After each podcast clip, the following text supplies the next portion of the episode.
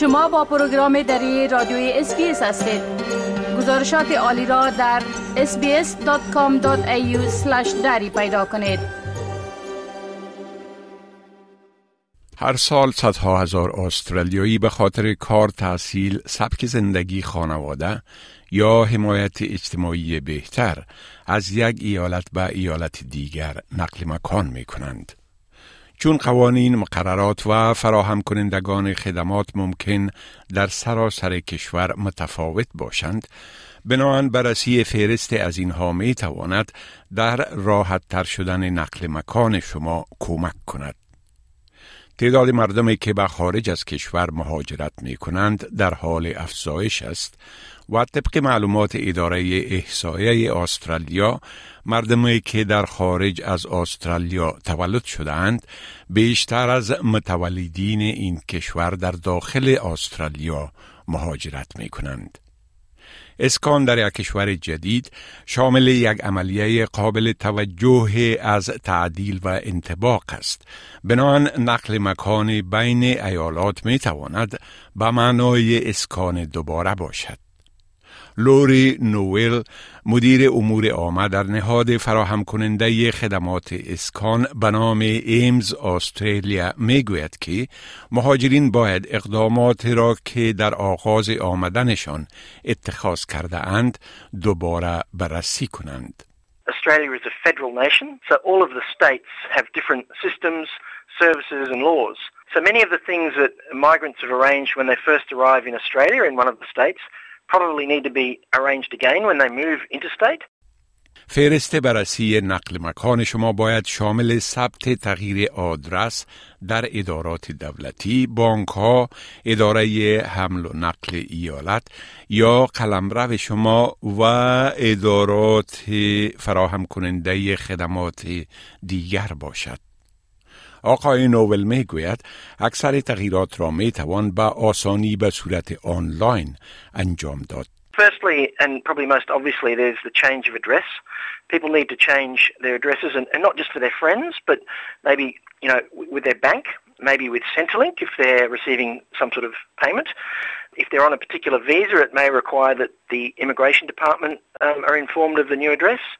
Medicare needs to know of your current address, and that's true for anyone. So it's, it's also worth thinking about leaving a forwarding address from your old residence as well so that your mail catches up with you. وقتی که پلاوی تاکر از هند آمد در سیدنی ساکن شد. اما پس از آن به خاطر یک فرصت شغلی به ملبورن نقل مکان کرد. او برای جلوگیری از هر گونه موارد مالی غیر منتظره داشتن یک بودجه نقل مکان را توصیه می کند since it was a big move from one state to another, it was important to have a budget in mind uh, when it comes to moving. We spent around $10,000 on this moving. Uh, sometimes we just don't give that much importance to budget, but it is important.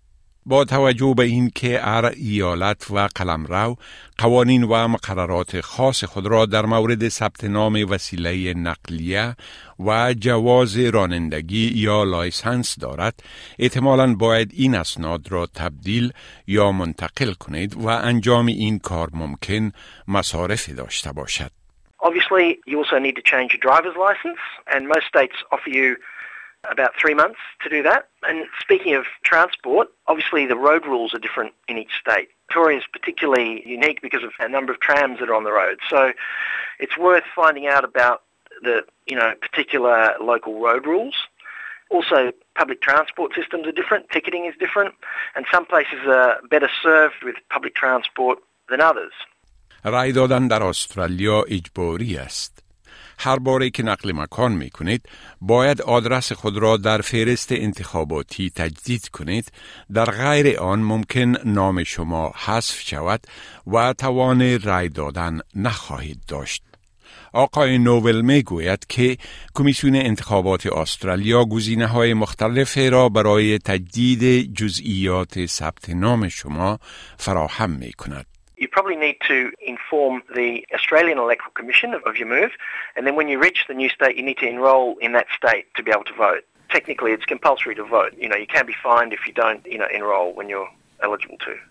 استرالیا یک نصاب درسی ملی دارد صرف نظر از این که در کجا زندگی می کنید یا در چی نوع مکتب تحصیل می نمایید با این هم لوری نوول از ایمز پیشنهاد می کند که انجام تحقیقات می تواند به شما در ثبت نام کمک کند چون دوره ها یا ترم های مکتب شهادت نامه ها و مزامین متفاوتند. If you have kids or even if an adult is involved in training or education, it's worth knowing about you know the system in the particular state you're moving to.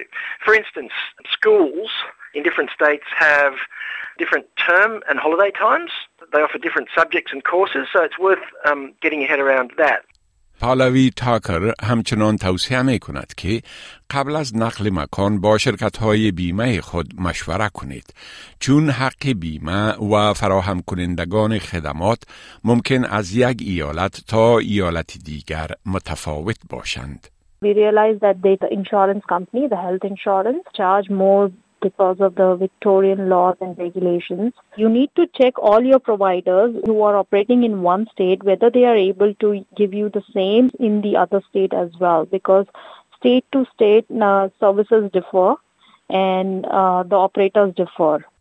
بعضی از خانواده های مهاجر در صدد پیوستن به گروه های اجتماعی فرهنگی می باشند تا با شبکه های حمایتی ارتباط برقرار کنند و در مورد محل اقامت جدید خود راهنمایی بخواهند. خانم تاکر می گوید که پلتفرم های رسانه های اجتماعی در مورد حصول توصیه های عملی برایش مفید بوده است. So basically, I posted my query on Facebook, and people were nice enough to come out with a lot of suggestions. And it was most important for us that we are close to city. So going to, you know, very far suburbs was ruled out. آقای نوول می گوید که بر علاوه انجمنهای اجتماعی فراهم کنندگان خدمات اسکان و مراکز امداد مهاجرین هم می توانند کمک کنند. Government has a uh, translation and interpreter service that's available and free to people. That's also accessible online. And if you approach local migrant resource centres or organis- organisations like AIMS in, in Victoria, they can help you with these issues. مهم است به یاد داشته باشید که استرالیا دارای بعضی از سختگیرانه ترین قوانین قرنطین در جهان است و این قوانین در هنگام نقل مکان بین ایالتی هم اعمال می شوند. توصیه می شود که نباتات محصولات حیوانی و تجهیزات زراعتی را که ممکن ممنوع باشند با خود نبرید. برای معلومات بیشتر به وبسایت قرنطین بین ایالتی حکومت استرالیا مراجعه کنید. بپسندید، شریک سازید و نظر دهید. اسپیس دری را در فیسبوک تعقیب کنید.